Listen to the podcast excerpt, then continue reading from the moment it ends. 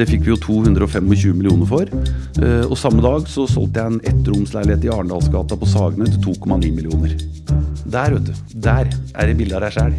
På hele forsiden av Finansavisen. Eh, og jeg var helt uforberedt på det. Eh, det var jo den av stjernemegler saksøkt for 337 millioner. Jeg har liksom solgt 300-400 boliggårder opp gjennom årene. Og veldig mange av de går jo nå til slakting og deling. Så da når vi hadde kickoff nå, så tilfeldigvis så var det jo Dagny som var leid inn til å synge igjen. da. Eh, og da var hun jo nede og hentet meg, jeg fikk synge på scenen med henne. Når det kommer til Ukraina, så det er kun, Du møter kun kvinner. Det er ikke noen menn.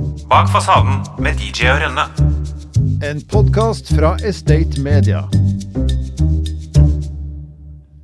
Velkommen til en ny episode av eh, Bak fasaden med DJ og Rønne. Jeg heter Dag Egen Saltnes. Og jeg heter Silje Rønne. En forkjøla Silje Rønne. I dag også. I dag også. Uh, og i dag har vi med oss uh, en av Norges dyktigste eiendomsmeglere, og en av de mest kjente. Anders Langtind i Privatmegleren. Hei, hei. Jeg tenker det, det er jo sjelden at uh, det dukker opp så mye på et Google-søk som det gjorde med deg. Det er liksom alt fra artikler til uh, podkaster og videoklipp, og det er tydelig at du sier ja til mye. Men jeg, jeg ble jo litt sånn redd, da, for at det her skal bli en episode der man har hørt alt før. Men nå har Mhm. du på en måte forsikret oss om at uh, det alltid er en uh, god historie. Du, her er det alltid en god historie til på lur, så det, er ikke, det skal ikke bli noen gjentagelser, det. altså. Det skal det ikke. Det, er- det er godt. Men da bare kjører vi på da, med de harde spørsmålene. Hvor, Ja, ja. hvor mye selger du for i løpet av et år? Eh, i, tenk på, liksom, på eiendomsverdier. Ja. Det kan liksom, ja, beløpe seg til et par milliarder kroner eh, hvert år. Men selvfølgelig varierer jo lite grann. Eh, sånn som min hverdag eh, er lagt opp, så selger jeg vel sånn Ca. halvparten av omsetningen min er kall det vanlige type bruktboliger. Altså alt fra toroms, treroms, eneboliger. Eh, og så er den andre halvparten en god del på disse bygårdssalgene. da. Eh, og det har jeg holdt på med i ganske mange år. med liksom Ramla litt inn i det med en tilfeldighet, men var flink til å liksom gripe muligheten. Men jeg har liksom aldri sluppet det der bruktboligsalget. Eh, for jeg tror det er ekstremt viktig. Eh, selv om jeg selger en bygård f.eks. til uh, Tivar Tollefsen, da, så vil han alltid spørre meg altså Han klarer jo fint å, regne ut liksom hva avkastningen er. Men så kommer alltid det kontrollspørsmålet. eh, hva tror du hver enkelt leilighet er verdt? Eh, og Derfor så har det vært viktig for meg å liksom holde på eh, det vanlige bruktboligsalget, stå på visning hver helg, eh, for liksom ha liksom pulsen ordentlig i markedet hele tiden. da. For det var egentlig et spørsmål som vi hadde litt sånn lenger ned. Ja. For da, da jeg fikk snike meg til å bli Facebook-venn med deg, så, så ble jeg liksom overraska, for at jeg føler at eh, mange av de toppmeglerne de blir litt jålete etter hvert. Og, Ja, det, Mange av de blir fryktelig jålete. Ja. Ja, ja, nei, det, det har du helt rett i. og så så, så så jeg at ganske mye, eller mange av de boligene du også selger, er er normale leiligheter. Og da ble Ja, jeg ja. sånn her, ha, Ja, ja. Det var Nei da, eh, det er ikke noe sånn jåleri rundt det. Eh, selger eh, Altså, jeg husker jo det var ganske morsomt. Jeg var jo så heldig å få lov til å selge det som var da, Norges dyreste enebolig på Bygdøy, Peter Mallingsvei. Ja. Eh, det fikk vi jo 225 millioner for. Og samme dag så solgte jeg en ettromsleilighet i Arendalsgata på Sagene til 2,9 millioner. Det var samme dag. Så det var liksom, spriket var jo liksom enormt, da. Men det er jo noe med det, ikke sant? fordi vi selger den ettromsleiligheten for. Det betyr jo vel så mye det som fordi du selger det huset til 50 millioner for. Så eh, Men hva er det som trigger deg eh, i det her? Jeg elsker, altså Visningene er liksom noe av det som trigger meg mest. Eh, Det er supergøy og masse mennesker. Eh, Selvfølgelig nå, bank i bordet er det litt mer mennesker igjen. Det er ikke alltid like gøy når du sitter der aleine en time. Kan bare fordele at Det er den lengste timen i verden. Det er sånn Når du liksom har begynt å runde Angry Birds for andre gang, da veit du at markedet er dårlig. altså. Det er, det er sånn. Eh, Men visningene, eh, supergøy, møte masse mennesker. Eh, og så må man jo være forberedt, da. ikke sant? For veldig mange av de som kommer på visning, er jo litt sånn Uh, usikre. uh, vet ikke helt hva de skal spørre om. Uh, så liksom prøve å skape den tryggheten for det store investeringen og kjøpet de skal gjøre. da. Så, så det er Nei, det kommer nok ikke til å legge det fra meg noen gang, tror jeg. Selv om det blir mye næringssalg og bygårdssalg og dyre boliger, så, så er det like gøy den dag i dag altså, å stå på, på visning på disse små leilighetene også. Men hvordan endte du opp som megler av bygårder? Altså, det, er jo, det er jo ikke så mange av dere. En Nei. liten håndfull? Eh, Det var en litt sånn tilfeldighet, for det var, eh, det var en, en kunde jeg hadde solgt en toromsleilighet for ute på, på Stabekk. Eh, Mari Lill, som hun het. Eh, hun ringte meg etter at jeg hadde solgt leiligheten hennes og sa at hun hadde en venninne som hadde en eiendom hun skulle selge. Eh, og venninne var det jo sånn De hadde blitt kjent på et porselensmalekurs. Så viste det at denne venninnen det var jo en voksen dame eh, som hadde arvet en bygård borte i Torvald Meyers gate. Så når jeg var der første gang, så helt ærlig, jeg hadde jo ikke så mye greie på det. Jeg visste jo ikke hva prisen skulle være eller noen ting. Dette var jo tilbake i 2004-2005. Eh, så jeg prøvde vel å gjøre så godt jeg kunne, og regnet vel ut at den var verdt ca. 20 millioner, da, den svære hjørnegården. Eh, Så gikk det jo ikke mange dagene, så var jo gården da solgt for 32,5 million. Så det var liksom århundrets skivebom da på pris. Eh, Og det ble det veldig mye medieoppmerksomhet rundt. Eh, At den gården Én ting var at den gikk så langt over prisantydning. Men en annen ting var også det at den faktisk ble solgt.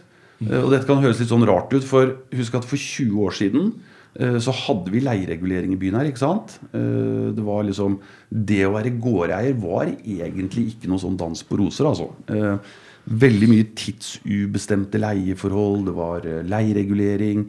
Så det var veldig mange gårdeiere som opplevde at eh, alle de leieinntektene jeg fikk hver måned, det var ikke nok til å dekke driftskostnadene på gården. Så derfor så, eh, Når plutselig en del av disse gårdeierne, og det var veldig mange av de spesielt sånn på Grünerløkka, gamle Oslo og de områdene der eh, Når de plutselig får denne altså Det her endte jo opp på forsiden av VG. ikke sant? Eh, Eiendomsmegler bommet med 12,5 million og tjente 500 000 kroner. var jo liksom Overskriften ble eh, masse greier rundt det. Men da ringte jo alle disse andre bygårdseierne. da, og liksom, Tror du virkelig jeg kan få så mye for gården min? Og så begynte det å rulle ordentlig, da. Var det da du forsto medienes eh, Altså hvilke muligheter som ligger i Det var ikke noe tvil om at det var mye, var mye god mediedekning på den. Men det er morsomt. Jeg eh, skal selge en gård nå borte i Nordmannsgata, eh, på, bort på Kampen. Og der er en sånn gårdeier av den gode, gamle sorten. ikke sant? 75 år gammel. Han har sånn gårdeierperm. Og når jeg da var hos han Ja, det var før jul, da. Og han åpner den. Der ligger faktisk den forsiden på VG som er 20 år gammel. Det har han klippet ut og satt inn i den permen. da. Derfor ringte han. Da tenkte han den gang han skal selge, så Ja, er det øh, men jeg var så freidig å spørre om ikke jeg kunne få den, så den har jeg fått. Så den skal jeg få ramma inn og hengt opp på kontoret, for det Ja, var der det begynte da. Så det er litt morsomt. Det er gøy. Men hvordan blir man en av Norges beste eiendomsmeglere? Nei, jeg tror øh, Altså, det er det med øh, altså, Jeg tenker først og fremst så må du elske det, da. Eh, Du må elske å møte nye mennesker. Eh, Du må ikke være redd for å kanskje jobbe noen ekstra timer. Og så må man være tilgjengelig. Eh, Jeg ser jo liksom sånn Senest i går så får jeg en telefon fra en kunde det er klokka halv åtte på søndag og lurer på du, jeg finner ikke de tegningene på det bygget jeg har kjøpt. Nei, nei, men det går fint. De sender over nå. Så det er noe med den der tilgjengeligheten. Og så er det selvfølgelig ekstremt viktig det med etterretteligheten. da, ikke sant? At man, man man opptrer eh, 100 etterrettelig, eh, tillegger seg ny kunnskap hele tiden, sånn at kundene føler seg trygge. Eh, det er noe med det. Så, men så har det jo blitt litt sånn etter hvert nå da, at man kommer i en situasjon hvor man eh, man, man får masse oppdrag, bare fordi det er mange kunder som vet at vi, vi selger de type eiendommene. Men etter hvert nå så har det jo blitt sånn at vi har jo kjøperne. Etter hvert så blir jo den potensielle kjøpelisten veldig lang. Så hvis du er flink til å pleie de eh, For nå er det jo litt sånn situasjon at eh, nå må du ha kjøperne. Før så kunne du egentlig bare få inn en bygg og få salg, så var den solgt uka etterpå. Men nå blir det, det er mer utfordrende å få solgt, og da er det enda viktigere å pleie kjøpersiden igjen. da. Så, så det endrer seg jo litt underveis. da. Men hvordan gjør du det? Eh, Jeg har jo en type eh, mailingliste hvor de som er ferskest inne hele tiden. eh, og så oppdaterer de litt, eh, sender info. Og, og det trenger ikke være eiendommer som, som jeg har solgt, men uh, nå er jo uh, Estate veldig god til å skrive om disse bygårdssalgene og, og næringssalgene generelt. Så veldig ofte kan jeg bare sende de ut litt sånn info. Du, har du lest den artikkelen her om denne eiendommen som er solgt? Sånn at de vet at vi er på, da. At vi, at vi passer på de. Uh, og følger med. For det er jo ikke alle som sitter på Finn eller på mail hele tiden, liksom. Så greit å oppdatere de litt. Mm. Men Blir du ikke litt sånn sliten av å alltid være på? Nei. Gjør ikke det, altså. Så, så du føler ikke du har ofra noe? Nei. Det føler jeg ikke. Eh, nå er det, det som er en superfordel da, med å være eiendomsmegler, det er at når eh, det er skolefri, så har alle kundene fri også, hvis du skjønner hva jeg mener. Eh, så det er jo et utrolig privilegium å kunne jobbe som megler. bare for Man har jo plutselig syv-åtte uker sommerferie. Alltid påskeferie, alltid vinterferie, alltid juleferie. Så når, liksom, når barn og skolene er stengt og det er fri der, da skjer det ingenting. Så da kan jeg være flink til å ta fri der, da. Så, så det er eh, så, Og da må man jo være på i de periodene, da. eh, Når ikke det er eh, fri. Ja. Men er det, er det like gøy å selge ei rønne på No offense, eh, Silje. rønne på Lambertseter som eh, en villa ved vannet på Bygdøy. Ja, absolutt. Eh, Det er, alt er jo utfordrende på sin måte. Ja. Noen ganger så er jo de type salgene der, hvis du ser for deg det er skikkelig rønna, liksom, vel så morsomt det, bare for det er så utfordrende. Du må liksom få vinklet salget inn på en annen måte, da. Så er ganske altetende altså, når det gjelder sånn type salg av eiendom og bolig. Altså, jeg har jo noen kunder som eh, opp gjennom årene har kommet med veldig mye sånn forskjellige typer ting du aldri trodde du skulle selge. liksom. Et bryggeri på Grünerløkka. Hvem skulle liksom tenke det? Kino. Altså, nå prøver jeg å få solgt Frogner kino, da. Eh, Det er, liksom, det er mange sånne annerledes type salg, da. Sier du alltid ja? Eh, ikke alltid. Nei. Nei, eh, det må jeg være ærlig å si. For det, eh, men det går jo litt sånn eh, hånd i hånd med også hva jeg tenker eiendommen er verdt, og hva kanskje kunden har i forventning. Eh, og det har vært altså, egentlig veldig spesielt kanskje i det, i det dyre segmentet. da, ikke sant, I disse boligene som kan koste 30, 40 og 50 millioner kroner. Uh, så har vi absolutt takket nei til en del oppdrag hvor kundene sier at men vi selger ikke for under 50. Eh, og så kan jeg gå og si men, men jeg tror ikke du får mer enn 30. Så da tror jeg ikke det er noe vits i at vi begynner å liksom sette i gang med dette. Eh, så, så det har jo skjedd. Men på type objekt, uansett hva du får, så er det ikke det som på en måte Å nei, det er ikke det deg? som stopper. Nei, nei, nei, nei, på ingen måte. Nå har det vært satt noen rekorder eh, nede på Bygdøy. Ja, i Hva- år har du jo det. Nei, i fjor, unnskyld. Ja, i fjor. Hva tror du om eh, altså, Står de for fall? Det blir jo ikke færre Nei, altså, med stranden eh, Vi trodde jo det den, den gangen. ikke sant? Peter Mallingsvei som gikk for 225 millioner. Man tenkte jo at fy fader, det kommer jo til å stå for evig og alltid. Uh, men så fikk man jo dette andre salget der nå, da. I Admiral Børresens vei til 500, eller var det mer? 585, tror jeg. Ja, såpass. Var det noe sånt noe? Uh, og og det kommer nok til å stå for altså, Det står eh, enn så lenge, men det kommer nok til å stå for fall, det òg. Det ligger jo eiendommer på Bygdøy som garantert har en høyere verdi enn det. Eh, se sånn som f.eks. på huset til Bjørn Rune Gjelsten har nok en mye høyere verdi. Ja, men det kommer aldri ut for salg, antar jeg. Nei, det vil jeg kanskje ikke tro. eh, men ok, aldri si aldri. Eh, og så er det vel solgt et hus, uh, naboeiendommen til Spetalen der ute, tror jeg. Det som egentlig skulle bli leiligheter, men som nå blir gjort om til enebolig. Ryktet på byen er jo at det har sånn pluss-minus samme prisklasse som det andre huset som har solgt nå. da. Mm. Ja. Så rekorder står vel alltid for fall, så det får vi se, da. Vi må gå litt tilbake i tid for å forstå hvem du er. Eh, er du oppvokst med penger, eller hvordan har oppveksten din vært? Nei, ikke, ikke i det hele tatt. Eh, helt normal eh, familie. Eh, fra Sandefjord opprinnelig, men så eh, Vest, Vestfold? Jeg er fra Vestfold, jeg, da. Ja. Så Solkysten. Eh, men så flyttet vi til Singapore da jeg var ganske tidlig, eller ganske ung. Eh, var bare fire år. Eh, For da jobbet faren min i Jotun, som da er fra Sandefjord, selvfølgelig. ikke sant? Og da ble det litt sånn. Og flyttet litt frem og tilbake. Eh, Egentlig helt frem til jeg var eh, 18-19. Så egentlig en helt normal oppvekst. Ikke noe sånn Nei. Men samtidig litt mer internasjonal, da. Ja, absolutt. Ja. og det er nok sikkert litt av grunnen til at det er blitt som det har blitt. ikke sant? Eh, flyttet jo, byttet skoler ganske ofte. Flyttet frem og tilbake. Og da må man jo Du blir jo Må ja, du, du blir tvunget til å tilpasse deg. Eh, det som selvfølgelig var alltid litt sånn vanskeligere å flytte hjem eh, enn å flytte til. For det som var fordelen i, i Singapore på de skolene, ikke sant? gikk på International School og United World College og sånne type ting, der hadde de jo skoleuniform. Det er fantastisk. altså Det burde man jo hatt her hjemme òg. Men det som er fantastisk med det, er at selv om du er helt ny og kjenner ingen, så blender du veldig fint inn når du har på deg det samme som alle andre. da. Litt sånn som når du begynner i militæret for første gang. ikke sant? Uh, så nei da.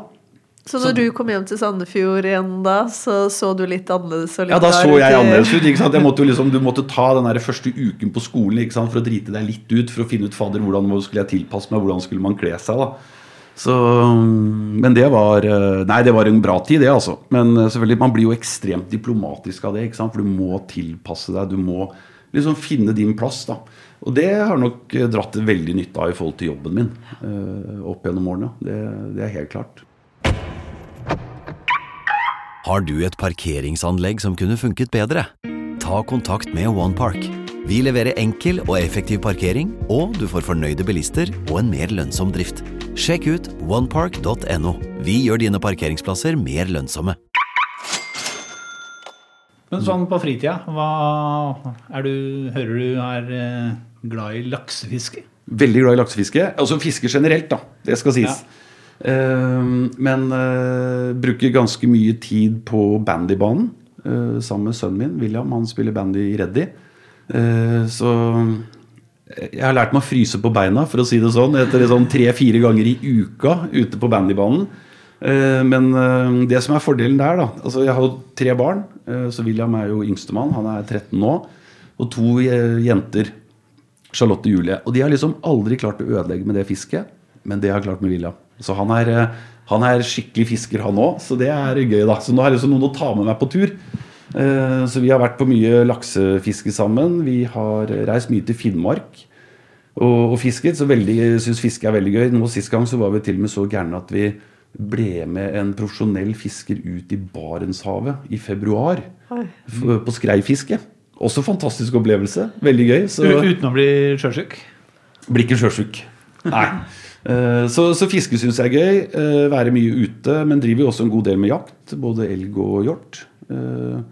Så sånne type aktiviteter syns jeg er veldig, veldig hyggelig. Deilig å være ute. Du virker jo da For jeg har jo da scrollet litt ned på den Facebook-siden din, og da tenkte jeg bare å, fy fader, han her er aktiv. Det virker, det er liksom så, det virker som du er superengasjert i så utrolig mye. Tror du at du kanskje har litt ADHD eller noe sånt? Ja, det. Du skal ikke se bort ifra det. det er, eh, moren min har vel påstått det lenge, tror jeg, at eh, det er noe gærent med det energinivået. Men, eh, men det er liksom noe med det eh, Jeg tenker eh, Gjør man det man syns er gøy, eh, så, så blir du jo ikke så sliten av det. Gjør du ting du ikke syns er så forbaska gøy, så blir du litt sånn, øh, litt sånn lei. Uh, Men liksom, jeg, jeg elsker jobben min. Uh, syns det er supergøy. Eh, elsker å være ute på jakt, på ski, alle sånne type ting. Og det, det gir jo egentlig bare mer energi, da. Ikke sant? Hvis man gjør ting man syns er gøy. Så hvis man er flink til å klare å sortere bort det som man ikke syns er så gøy, så Ja, hvordan klarer man det, da? Jeg føler at det er jo mye i livet som ikke er like gøy òg. Eh, Det er jo mange ting man kan takke nei til, eh, og liksom ikke måtte være med på. Og så det ikke Men det gjør du det, da? For det ser Ja. ut som du sier ja. Ja, nei, er- ja men eh, det er ikke noe hemmelig. Altså, det blir jo litt enklere jo eldre man blir. da, ikke sant? Nå er jeg 51, blir 52 år. Eh, Så jeg merker jo at jeg er flinkere til å si nei til ting nå enn det jeg kanskje var for eh, 10-15 år siden. Sånn som, eh, som sagt, Jeg har jo vokst opp i Singapore, eh, så jeg er jo ikke så jeg er jo ikke jævlig god på langrenn, For, For, for å si det sånn. Eh, Men så har jeg en, eh, har- en god kunde som er ekstremt ivrig på langrenn. Eh, Og han ringer meg, da. Dette er liksom ti år siden. 'Anders, du ser at du er ganske sånn grei form og sånn.' Ja, ja, hva tenkte på liksom? «Hæ? Jeg har noen ekstra billetter til Marcialonga. Bli med og gå. Fy faen, er du glad hvor langt det er, eller? Når ikke du kan egentlig gå på langrenn. Så du sa ja der? Ja, jeg sa ja. Eh, og jeg kan bare helt ærlig si at hvis han hadde spurt i dag, så hadde jeg sagt nei. så man lærer jo så lenge man lever, da. Eh, man gjør jo det. Men eh, hvordan lader du batteriene? Nei, det er eh, Det er jo litt sånn med de fritidsaktivitetene, da. Ja. Uh, gir meg veldig sånn fin ro uh, å være med på bandybanen. Uh, eventuelt ta liksom en slalåmtur. Gjøre litt sånn. Eh, ja. Slappe av litt i helgene, lage god mat. Veldig glad i å lage mat. Eh, har jo mye råvarer i fryseren selvfølgelig etter alle de og fisketurene. så det er mye å velge i der. Og så som sagt så blir det jo det blir jo lange ferier, da. ikke sant? Sånn som nå i, i romjulen. Så, uh, så reiste jeg jo den 19. desember og kom hjem første. Hvor dro du da? Det var i Alpene og stod på ski. Ja. Sjøl om du ikke er god i ski. Ikke på langrenn. Eh, Men jeg syns det er gøy å gå på langrenn. Men jeg er sånn turgåer, da. Jeg er ikke han der eh, pesete med hodelykt som hyler og skal ha alle barna ut av løypa og sånn. Tur er koselig. Ja, ja. Den, den får jeg spørre hvem på. han eh, som inviterte deg til Mars? Ja, du, du kan jo tenke deg hvem det er. Altså Edgar Haugen. Edgar ja, ja, ja. Nei, det var Edgar Haugen. Uh, og jeg tror altså Jeg brukte mer enn dobbelt så lang tid som han, i hvert fall. For å si det sånn. Altså når jeg kom i mål, det var nesten sånn at du fikk den der kransen som siste fyrverkeriet som siste mann inn. Så Men han har ikke spurt deg igjen? Når det Nei, kommer til noe men han har ikke gjort det. Jeg håper han ikke hører på det her nå, for da kommer han til å ringe og spørre. Ingen som har invitert deg på sykkeltur, da? Jo, sykkel uh, har jeg har jo syklet veldig mye. Uh, det syns jeg er kjempegøy. Men det eneste som er sånn ulempen med, i hvert fall med landeveissykkel da. Jeg har jo ja, eh, syklet eh, eh, både Lillehammer, Oslo og Vetternrunden. 300 km og alt det greiene her. Og det syns jeg er ganske ok, men det som er sånn kjedelig med det landeveissykling, er at det tar så jævlig lang tid. Ja. Eh, Så nå sykler jeg en god del sånn eh, terrengsykkel. MTB. Eh, Ja. Men har jo blitt voksen, selvfølgelig, så den er jo elektrisk. Men det er veldig gøy. Ja, ja. ja, ja. Men du virker jo ikke hva skal jeg si, du virker jo ikke flau heller. Jeg så en sånn klipp av deg på scenen med hun Dagny Åh, elsker Dagny. Ja. Jeg har et enda bedre klipp jeg Ja, kan vise dere etterpå. Ja. Nei, du, eh, det har jo vært litt sånn eh, Nei, altså jeg tenker man må jo by litt på seg selv. Eh, så har jeg alltid vært uh, Syns Dagny har vært dødskul. Og så litt sånn tilfeldig, da, via en fisketur, så treffer jeg en superhyggelig kar. Eh, så viser det seg at han er jo manager for masse artister. Eh, altså Han er jo like utadvendt som meg. Så vi finner tonen veldig lett. Og så kommer jeg inn på dette at du, jeg digger jo Dagny. Hun er kul. Sånn. Å ja. ja, men hun kjenner jeg. Det er ikke noe problem. Hun skal ha konsert i Oslo. Så når hun hadde konsert her i oktober-november, eh, så var jeg jo invitert dit. Og det var jo backstage og afterparty og alt mulig. Eh, Så var jo da jeg liksom traff Og da fikk jeg jo truffet henne og pratet med henne. Så da når vi hadde kickoff nå, så tilfeldigvis så var det jo Dagny som var leid inn til å synge igjen. da. Ja. Eh, og da var hun jo nede og hentet meg, jeg fikk synge på scenen med. Altså, det, var, ja, det var skikkelig kult. Det var eh, moment, sånn starstruck. Veldig. ja, veldig gøy. Det er bra. Men eh, hvordan kombinerer du Du har prata litt om det, men familieliv og venner når du alltid er på telefonen, er det ingen som blir litt sånn eh, irritert? Jo, jeg tror nok Anette, da, kona mi, jeg tror nok hun syntes det var mye, en mye større belastning før, ikke sant, når barna var små. Men nå er jo sånn, Charlotte er jo 21 og bor i København, går på CBS. Uh, Julie har et friår, hun blir jo 1920 nå. ikke sant, William er attpåklatt. Så, uh, så det var nok en mye større belastning før. altså Det, det må jeg nok bare ærlig innrømme. Uh, Men eh, ja. Men de Ja, det har, det har gått bra. Det har det. Så, men det har vært eh, Selvfølgelig det har vært eh, masse sene kvelder og alt som var. For det, det var litt sånn eh, Vi var jo med å starte det første kontoret til privatmegleren tilbake i 2004. Eh, og det var sånn Da var jo liksom all verdens omveltning. Jeg var jo daglig leder for DNB Eiendomsmegling her i Oslo. Sa opp jobben min, ble med å starte privatmegleren. Eh, Da var jo Anette gravid med Julie. Kjøpte akkurat nytt hus på toppen av det hele, som måtte totalrenoveres. Nei, Det var, var mange baller i lufta en periode, da. Eh, Men det, men det har jo landet, og det, har- det har jo gått bra, det, da. Mm. Jeg så at du har vært med på den podkasten til han eh, Bertrand. Ja. Og den, eh, den har jeg liksom tenkt å høre på etter intervjuet. Det må du gjøre. Gleder meg veldig til det. Ja. Men han, eh, det, Jeg snakker jo ofte om Han er jo coach. eh, Og snakker jo ofte med, om at man har jobbet med seg selv og liksom selvutvikling og sånne type ting. Eh, har du tatt noe tak? Ja, du, absolutt. Det var jo derfor jeg begynte å prate med Erik eh, i sin tid. Bare for det var litt sånn eh, Så du har godt av han? Ja. Ja. Eh, og det var også litt sånn, det kan du jo høre på podkasten der, da. Men det var litt sånn tilfeldig, for Erik kom til oss uh, i 2005. Da jobbet han i Merkur i Urval. Han var jo ikke coach. Uh, men det var en av mine kollegaer som kjente Erik sånn privat. De er gode venner. Og han hadde Erik Bertram Larsson en drøm om å liksom bli som mentaltrener og coach. Da. Så det begynte jo egentlig der. Uh, mange har sikkert lest boken hans 'Denne helvetesuka'. Liksom hvordan du skal stå opp klokka fem og trene og gjøre alt det her. Det testet han ut første gang på mitt kontor. Med meg og to andre ansatte. Det var aldri noen som hadde prøvd det der før. Så, så det har vært utrolig morsomt å, å følge han også. ikke sant? Bare for å se liksom den suksessen og det han har gjort. eh, Som han veldig mye testet ut på oss, men som ga oss eh, og meg ekstra overskudd, selvfølgelig. Ja, Gikk det bra? Ja, jeg syns det. Eh, han er jo veldig sånn at eh, eh, Og det har jeg tatt veldig til meg. altså eh, alle har, Det er jo bare 24 timer hvert eneste døgn, så du må liksom bruke det på en mest mulig fornuftig måte. Og, og ja, jeg står opp liksom klokka seks om morgenen eh, og enten trener sånn, men i dag dessverre så måtte jeg jo kjøre snøfreser. Dessverre, eh, altså Helt sikkert til naboens store frustrasjon, for den, den er litt gammel som bråker så jævlig. Så hele nabolaget våknet, da. Eh, Men det er liksom eh, komme seg opp og så gjøre så godt man kan.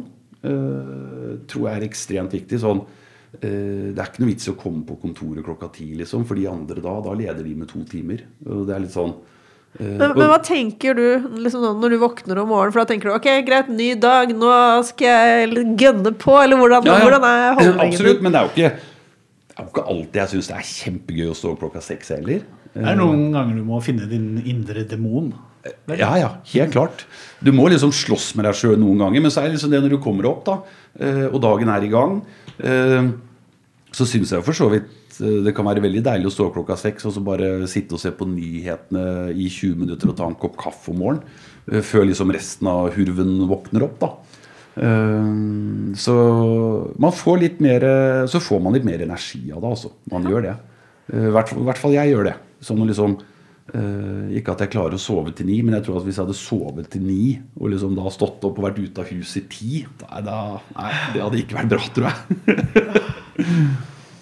Eh, hva Ble du litt sånn Da Jørgen liksom ble litt så raskt eh, på neste Nei, det vil ikke snakke noe mer om det der. jeg, jeg, jeg lager jo faktisk nyhetsbrev hver dag eh, mellom seks og sju. Ja. Eh, Så som regel har jeg god tid hvis jeg tar det halv seks. Nei, nei halv sju. Halv så, sju, så det er ikke, er ikke helt i der helgene er du glad i å sove litt. Jeg sover godt, eh, men jeg våkner så jævla tidlig. Jeg er blitt gammel, så Ja, nei, Samme her. Når du er vant til å stå opp seks hver morgen, så, så vet jo ikke kroppen om det er eh, tirsdag eller lørdag. Du våkner jo opp på samme tid uansett. Men eh, hva er Ukrainian Freedom Convoys? Ja. Og hva gjør du der? Um, du, det er jo også noe jeg kom litt borti litt tilfeldig.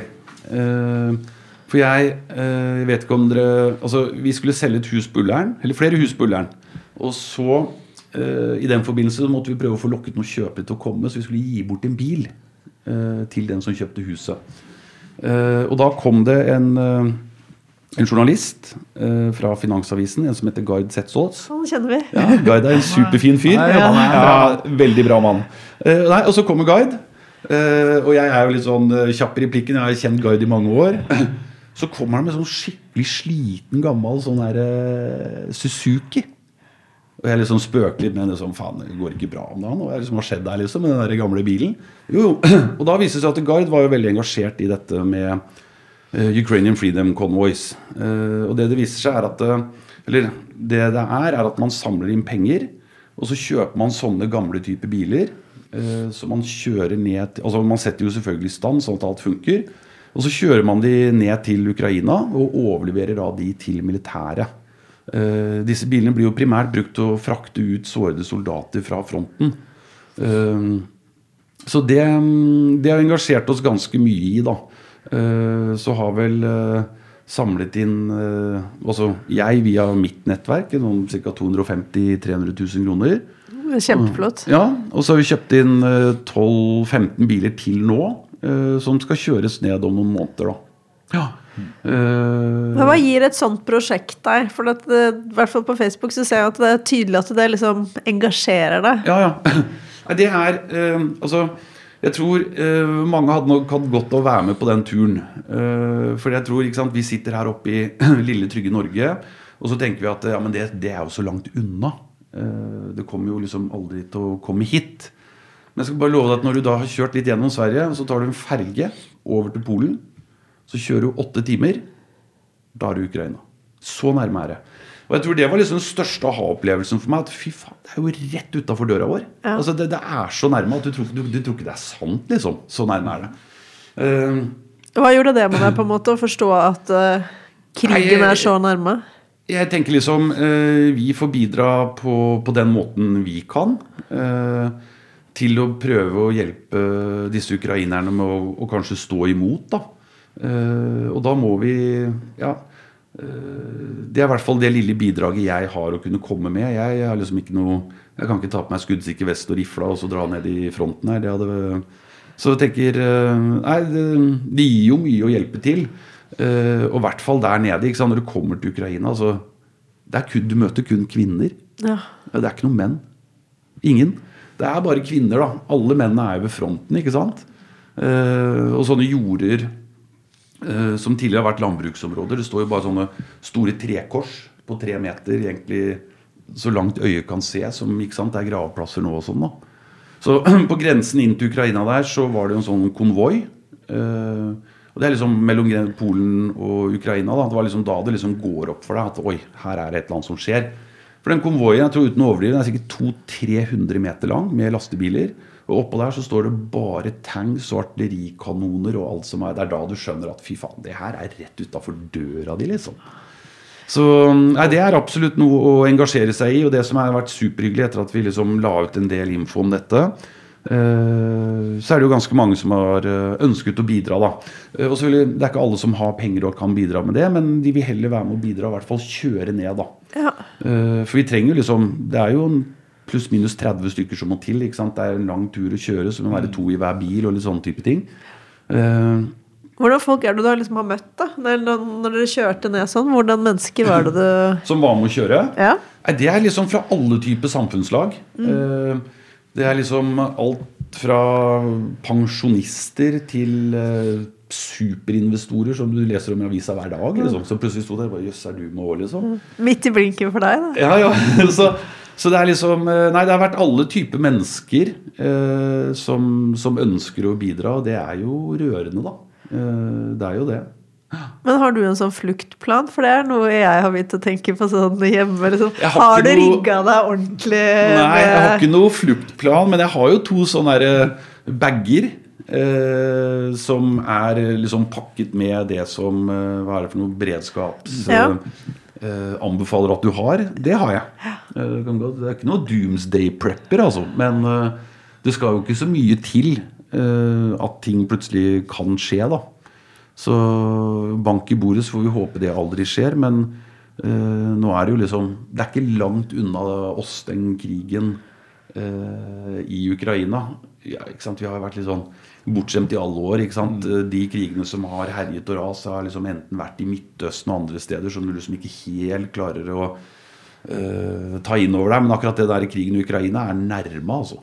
Ja, så forresten, nå skal jeg bare skryte litt uten at jeg går for mye inn på det, for da blir Dag Jørgen sliten av meg. Men eh, jeg ble veldig glad da jeg så at du hadde, i forbindelse med Sonjas Horn, eh, Horn sin fødselsdag, Ja. så hadde du gitt et bidrag til eh, Gaza. Det syns jeg var veldig flott, da. Ja. ja, nei, Det var jo det hun ønsket seg. Jeg Ja. var i 50-årsdagen hennes. Ja, Eh, Er dere hun- gode venner? Ja. eh, Sonja er jo en av Anette, altså min kones eh, nærmeste barndomsvenner. Eh, så Sonja Odd har jo liksom kjent i 30 år. Ja. Så det var jo det Sonja ønsket seg til sin bursdag. Det, så da måtte man jo bidra med det. Det er også sant, Man skulle jo ønske man kunne bidratt med alt overalt, ikke sant? men det er liksom, man strekker jo ikke til. Vi har jo hatt en gjest her, Alfred Ystebø. Ja, eh. Som, eh, han eh, dro jo ned til grensa mellom Syria og Libanon Mm. for å hjelpe noen i en flyktning, flyktningleir der. Og han blei jo nesten grepet av det. Han skulle opprinnelig bare tjene noe penger på et flyktningmottak. Ja. Og endte opp med å farte ned jevnlig med Mm. støttesendinger til de flyktningene. Og det, det skjønner jeg. Eh, og jeg, jeg skjønner at det der eh, eh, At det liksom griper en. Mm. og det er jo sånn det, Jeg skal jo ned igjen i år, før sommeren, ned til Ukraina igjen. For det er litt sånn Det må man bare hjelpe til med og bidra med. Og det, det blir nok dessverre det, litt sånn Har du gjort det én gang, så må du gjøre det igjen. Og så tror jeg liksom bare det, det vil fortsette, fortsette, rett og slett. Når yrkesstolthet er standard, blir høy trivselsfaktor på arbeidsplassen en selvfølge. I Bundegruppen vet vi at det er du og jeg som kan utgjøre forskjellen. Derfor er vi så opptatt av verdigrunnlaget vårt folk. Folkeskikk, orden, lagånd og kundefokus. Folk skaper verdier, og verdier skaper folk. Finn ut mer på bundegruppen.no. Men hva- er den mest spennende, eh, spennende, spesielle hendelsen i livet som du aldri vil glemme? Og da ser vi bort fra det å få barn og sånn. Barn og kone og alt det Ja. der. Eh, ja, hva kan det være? Altså, eh, spesielt og spesielt. Jeg tenker eh, ikke sant, Man har jo mange gode opplevelser. Eh, men så er det litt sånn eh, som folk flest tror man henger seg nok kanskje litt opp i de litt sånn vonde opplevelsene. Eh, og det var nok kanskje spesielt denne saken vi hadde med eh, Estatia, som det het, som bygde ut eh, store hoteller på, på Trysil, Norefjell og alt dette. Det var et system som vaklet litt og, og gikk til helvete, må man vel få lov til å si. hvis det er lov til å si. Uh, og så snudde jo de seg rundt, og så skyldte de på oss. Uh, de mente, og spesielt meg, da, uh, at det var vår skyld at hele prosjektet feilet. Eh, og endte jo opp i en eh, sak som var først i tingretten og så i lagmannsretten. Så var det en sånn pågående sak i to og et halvt, tre år. Eh, det var, det var skikkelig tøft, altså. Der var det mange morgener jeg våknet opp og ikke hadde lyst til å stå opp, for å si det sånn. For det ble sånn, ikke sant fors, altså, Forsiden på Finansavisen. Ikke sant? Stjernemegler saksøk for 337 millioner. For det var jo summen. Eh, Så det var jo en enorm sum. Eh, Så nei, det, det var skikkelig belastende, altså. Men hva var det egentlig som gikk galt der? det som skjedde, var at eh, på Norefjell da, der solgte vi ca. 210 leiligheter. Og på det tidspunktet vi solgte de, så var det allerede tilrettelagt for en finansieringspakke for kjøperne. Så du trengte ca. 700 000 selv, og så stilte Danske Bank med 2,3 millioner i lån. Det var dealen. Eh, og det var jo sånn at hvis du hadde 600 000-700 000 kroner, så fikk du automatisk lånet. Og så var det lagt opp til en sånn tilbakeleiemodell. ikke sant? At hotellet, uh, alle disse leilighetene vi solgte, det var jo egentlig romkapasiteten til hotellet. Så hotellet skulle leie det tilbake uh, og betale deg 100 000 i året. Og de 100 000, det var jo nok til å dekke de 2,3 millioner i lån. ikke sant? Mm. Eh, og så kom jo denne finanskrisen da, rullende innover den norske fjellheimen, og ikke bare der, men overalt. Så jeg sendte jo ut eh, brev, varsel om overtagelse til 210 kjøpere eh, høsten 2008. Å, det var kjedelig timing. Å, fy faen! Åh. Eh, og så, Det var jo 210 stykker da, som ble innkalt til overtagelse. Av de 210 eh, så var det ca. 90 stykker som kom. Så det var 120 stykker da, som stakk huet i sanda og bare Ikke faen. Eh, de de, Og da hadde allerede Trysil-prosjektet gått konkurs eh, i det samme systemet. Det vaklet andre steder også. Så kjøperne var helt åpne og ærlige på det. De ikke pokkerne, men jeg skal kjøpe meg inn i det der greiene der nå. Men det som skjedde, som ble den største endringen i forhold til kjøpet, det var at det danske bank trakk tilbake finansieringspakken. Mm. Mm. Så nå måtte du plutselig gå i banken med lua i hånda liksom, eh, og søke om det lånet. Eh, På noe du egentlig ikke ville kjøpe? på egentlig noe du ikke ville kjøpe. Så de stilte jo ikke opp i banken engang for å søke om lånet. Eh, og det var jo også det Dette var jo ekstremt tydelig kontraktsfestet mellom selgeren, altså Estatia, og med kjøperne. Så kjøperne mente at de hadde rett til å trekke seg. Her var jo forutsetningen for kjøpet endret. Og det var faktisk veldig mange som vant frem på det.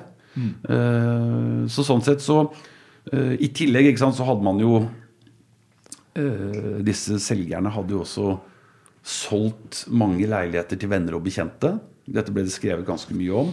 Eh, og når dette begynte å vakle, så fikk jo alle disse venner og bekjente til dette Statia-systemet De fikk jo vederlagsfritt trekke seg. Ikke sant? Og så viste det seg nok egentlig at de venner og bekjente som sto på lista, det var egentlig bare blåst opp. Ikke sant? Jeg hadde jo noen som hadde kjøpt både 10 og 12 leiligheter. Sånn påfallende at det var solgt akkurat nok leiligheter for å åpne byggelånet. Så, så dette ble en litt sånn uheldig ble jo ekstremt uheldig for Estatia, selvfølgelig, for de ble jo slått konkurs eh, faktisk før dommen fra lagmannsretten var rettskraftig. Eh, Jeg kommer aldri til å glemme det den dag i dag. Vi satt der siste dagen i Borgarting lagmannsrett. Eh, så var det liksom eh, Det var siste dagen. Det skulle holde sluttprosedyre. Eh, Ti over ni så hører jeg døren åpner seg bak der. Og inn der kom Thomas Borgen. Da var jo han sjef for Danske Bank. Hele Danske Bank. Og han satt bak der og hørte på hele dagen, og så dro han. Han dro ti minutter før det var ferdig. Eh, og når dommen da kom, eh, og vi vant på alle punkter, eh, så, ble, så slo jo Thomas Borgen Statia konkurs altså, før dommen faktisk var rettskraftig. Da hadde de nok liksom fått det store bildet. Ja. Men det var, det var en skikkelig belastende tid. Det er sånn, Jeg hadde ikke unnet min verste fiende engang. Altså. Hvordan kommer man seg gjennom en sånn tid? på en måte? Jeg tenker sånn Når det er var det to og et halvt år, så er det jo Ja. det er det ganske lenge òg. Ja, eh, ja, det var veldig lenge også. Eh, Det var men- da du hadde små barn òg? Ja, ja. Eh, Jeg føler, du, du føler jo at alle ser på deg. Ja. Altså, alle ser på deg hele tiden.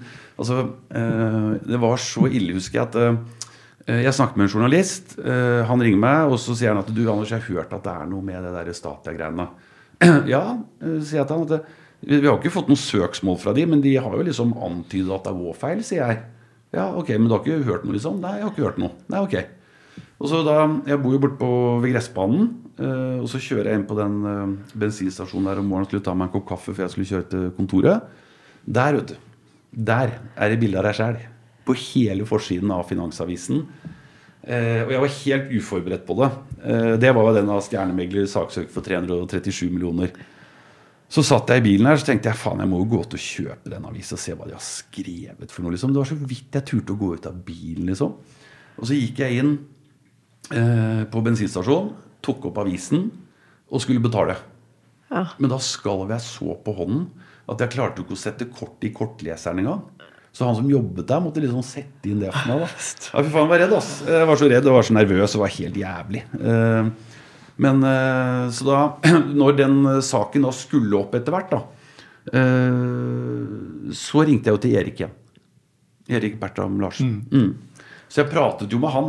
Jeg måtte egentlig liksom ha noen helt eksterne å spare litt med. liksom Hvordan skulle man pensle seg inn, komme seg rundt på dette. Og det funket kjempebra. Og litt som vi snakket om i stad, har holdt på med dette i mange år og har mange gode kunder. Har liksom holdt min sti ren og vært flink og etterrettelig med alle. Kommer ikke til å glemme det, altså. Det ringer en kunde av meg da sånn rundt lunsjtider den dagen den forsiden er ute. Og så sier han du Anders, nå ser jeg liksom Nå stormer det litt, liksom. Ja, nei, det kan du trygt si, sier jeg liksom. Ja. Men vet du hva? Eh, Jeg kjenner deg, jeg, så jeg har ikke så mye trua på det som står der. Så jeg skal selge en gård nede i Vika. Kan ikke du sette i gang med det?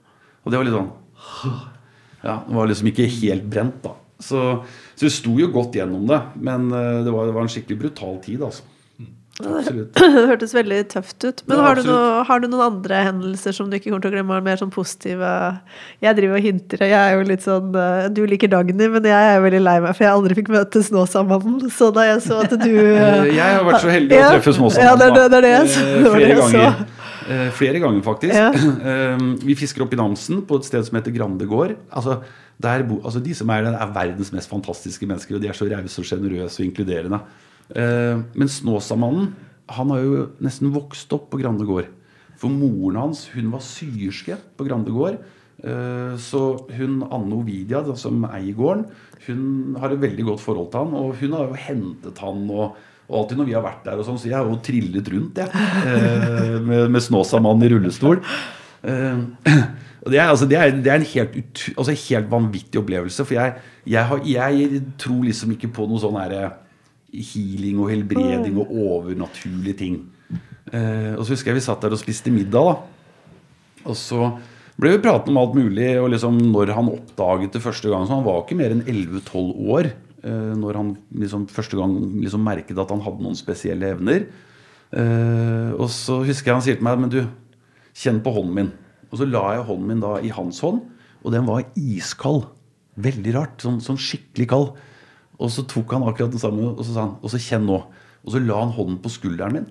Du, altså Det var som gikk 80 grader varmt gjennom hele kroppen. Altså Helt utrolig. Så Nei, det, det var Han traff jeg jo Det var vel tre- to-tre år på rad eh, oppe på Grande gård. Eh, og det var veldig hyggelig, bare for etter det møtet eh, så fikk jeg et brev fra Overhalla. Sånn A4-konvolutt. Og inni der eh, så lå det et ark hvor Snåsamann hadde lagt hånden sin i maling. Og lagt på det arket. Og så sendt meg. Ja, det er koselig. Ja, så det er veldig hyggelig, så det har rammet inn. Det henger på veggen hjemme. Så du, du ble en believer, nesten?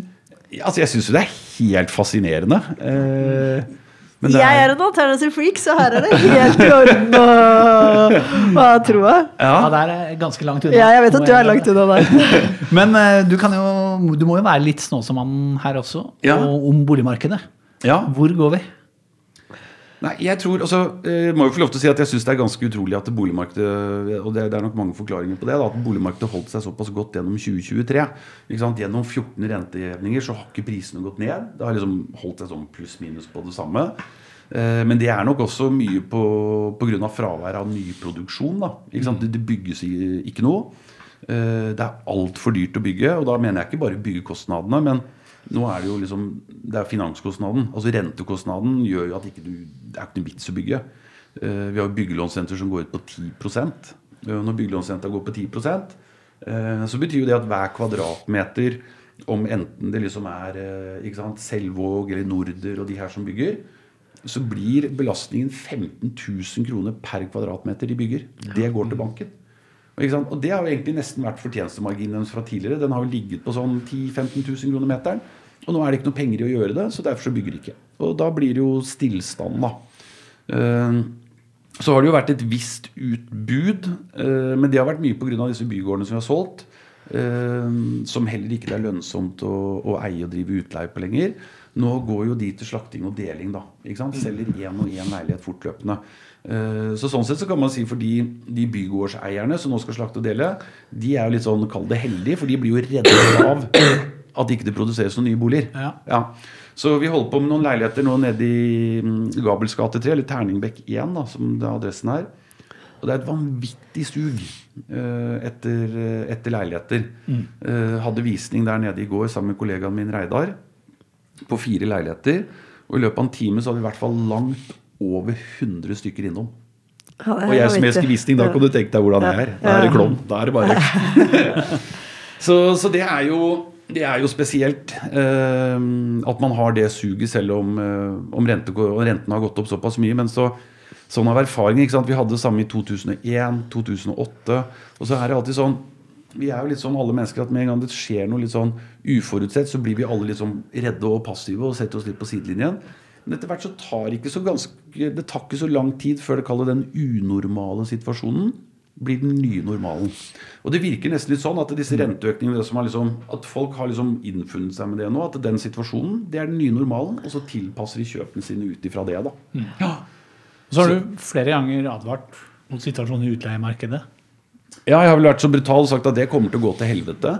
Eh, og det, dessverre, da, så, så ser man jo det nå. Eh, ikke sant? Eh, jeg har liksom solgt 300-400 boliggårder opp gjennom årene. Eh, og veldig mange av de går jo nå til slakting og deling. Det, er ikke noen penger i det. Altså Enten så har du en ganske høy belåning. ikke sant? Næringslånet går jo ut på sånn 6-7 Eh, Det er jo ingen av de boliggårdene vi har solgt som gir 6-7% avkastning. ikke sant? Så du, du går cash negativ. da. Du taper penger hver eneste måned. Eh, og så har du det andre aspektet. Eh, nå er det jo ikke, skal ikke skylde på den regjeringen som sitter nå, men den foregående regjeringen innførte jo dette med primærbolig- og sekundærboligbeskatning. ikke sant? Og, og da var jo sekundærboligene, altså det vi kaller for utleieboligene, de ble jo da formuesverdsatt til 40 av reell verdi. Så hadde en utleie til 10 millioner, utleiebolig, så ble det tillagt 4 millioner i formue. Så kan man si at Derfor så var det ganske gunstig da, hvis du hadde penger, å kjøpe en sånn. Eh, de som styrer nå, har jo skrudd opp eh, beregningsgrunnlaget til 100% Så den leiligheten til 10 millioner den blir du formuesbeskattet nå som det er verdt 10 millioner. Og da får du en ganske stor formuesskattsregning. Og leieinntektene klarer jo ikke å kompensere for det. Så igjen så taper du penger, da. Eh, Så derfor så blir jo de solgt ut over en lav sko. Eh, Du vet jo i Oslo, på fire år så er det snart solgt 8000 sekundærboliger. Og det er mange, altså. For hvis du går fire år tilbake i tid, så var det da 52 000 utleieleiligheter i Oslo. Og kommunen de eier halvparten. De eier ca. 5 26 000 boliger. Den andre halvparten det var jo da eid av ikke sant, sånn som Tollefsen og Merkantilbygg og Edgar Haugen og alle de her. Eh, og, og vanlige personer som oss. Vi hadde jo veldig mange som solgte eneboligen sin. Liksom, du Anders, kan du hjelpe oss å finne en, et par leiligheter vi kan eie ut? De er borte. Eh, Så av den boligmassen da, som var, hva skal man si, var privateid, 25 000, så er 8000 stykker solgt på fire år. Og så er det noen som må våkne når du leser i Dagens Næringsliv før jul at Ivar Tollefsen har nå stiftet 36 borettslag. Han har tatt 36 av gårdene sine, stiftet borettslag. Og hva betyr det? Jo, det betyr at han skal selge ut leilighetene én og én. Det er Ja. 2000 leiligheter. Altså, Ja, han skal vel selge til sammen for 20 milliarder over hele Europa, da. Ja, ja. ja. Det, Eh, Det er vel over hele Europa, men i Norge da så er det jo snakk om 2000 leiligheter. da. Så Hvis vi sier at leilighetene i snitt har vært et sted mellom 4 til 5 millioner kroner, så er jo det et sted mellom 8 til 10 milliarder kroner. da. Akkurat Summen og pengene er jeg ikke så opptatt av. Jeg er mer opptatt av at alle disse utleieboligene forsvinner. Har du noen utleieboliger? Nei. Nei. Nei. Men jeg blir jo enda mer bekymret når jeg leste E24 i helgen. Kaski. Kaski. Eh, da skal du jo ut og regulere leiemarkedet. Jeg Er det, bare- er, det, er det ikke det de egentlig har prøvd, og vi ser litt fruktene av? Men er det ikke det de gjør i Sverige? Jo, men det er en annen type modell. Ja. Uh, I Sverige så har vi et todelt marked. Ikke sant? Du har dette med hyresretter, Ja. og der er leiemarkedet ekstremt regulert. Det er sånn, og i Danmark eh, det er sånn Du får ikke ta mer enn 10 000 for en ettrommer, 12 for en torommer og 15 for en trerommer. Men, men det er jo sånn de ble regulert opprinnelig. Og så fikk man ekstremt gunstig lån av staten for å bygge. Eh, Men så er det jo også et fritt eh, Det er jo et fritt privatmarked hvor prisene er høyere. Men å gå inn nå og begynne å regulere det norske markedet og si at nei, du får ikke lov til å ta mer enn 12 000 for en toroms f.eks. Altså, da, kommer alle de privateide eh, og kommersielle eide da, leilighetene de kommer til å forsvinne like fort ut som de kom eh, der. Og da er det sånn eh, For Oslo altså Oslo har jo ødelagt for seg selv i, i den forstand at vi har hatt denne leilighetsnormen. ikke sant? Du kunne jo ikke bygge små leiligheter. Eh, Så, sånn sett så burde jo egentlig alle i Oslo sende en blomsterbukett til Raymond Johansen og takke for at boligprisen gikk rett i været, for det er, det er jo mye av grunnen. Men det som kommer til å, å skje fremover, er dessverre at leieprisene kommer til å gå enda mer opp. Eh, Det kommer til å bli trangere i døren. Og så, ikke sant? Husk at I Norge så har vi privat eierskap. Det utgjør ca. 80% eier sin egen bolig. Men det betyr at 20% leier. Ikke sant? Og det er over 1,2 millioner mennesker. da. I Norge de leier bolig. De er avhengig av hva skal man si, kommersielle selskap som, som Heimstaden og sånn da, for å ha et sted å bo. Og når de ikke gidder å drive med dette bare fordi de taper penger på det, så kommer det til å få ekstreme konsekvenser. Og i hvert fall ikke når det bygges noe nytt i tillegg. da. Så det skal jo komme en ny boligmelding i år. Eh, han nye Jeg vet, husker ikke hvilken ministerpost han har. Ja. Eh, eh, ja. I hvert fall, Jeg hørte et intervju med han nå på det var vel torsdag-fredag. På nyhetene på bakgrunn av at leieprisen har jo gått opp 7-8 da. uh, så, Men det kommer jo en ny boligmelding, men det, jeg tror dessverre det blir for seint. Den skal jo komme til sommeren. Eh, bare på mitt kontor eh, så har vi jo oppdrag med å selge en to 250 utleieleiligheter for disse store aktørene. Så de raser ut, og da Leieprisene altså, de er opp 7 eh, jeg, De kommer til å gå 15-20, kanskje 25% til. Høres ikke ut som du ville kjøpt bolig for å leie ut nå. Nei, det har jeg ikke gjort. Ikke i det hele tatt. og så er det sånn, Mange vil si at ja, men Sånn som når hvis Tollefsen faktisk eh, selger disse 2000 boligene sine, da. Eh, så er det mange som tenker ja, men da vil jo de bli kjøpt for Noen skal jo leie ut. Men det er en skatteordning som gjør at det er mer gunstig å selge det som borettslagsleiligheter. Og borettslagsleiligheter kan du jo ikke leie ut. Så disse 2000 leilighetene som forsvinner der, de kan ikke gå i utleie. Og de kommer ikke tilbake heller. De kommer ikke tilbake heller. Det gjør de ikke. Nå sitter jeg bare og, sitter jeg bare og tenker på at nå må jeg få solgt den sekundærleiligheten min. Ja, men det er en god tid å selge på. En supersmart tid å selge på. Eh, For, for det er et veldig sug eh, etter kall det fornuftig mindre type leiligheter. da. Det er det. Eh, For det har jo ikke vært lov til det har ikke vært lov til å bygge små leiligheter i Oslo på åtte år. Så skal man selge, så er det bare å selge nå. For det er, det er stor, bra trøkk på det. Bak fasaden med DJ og Rønne.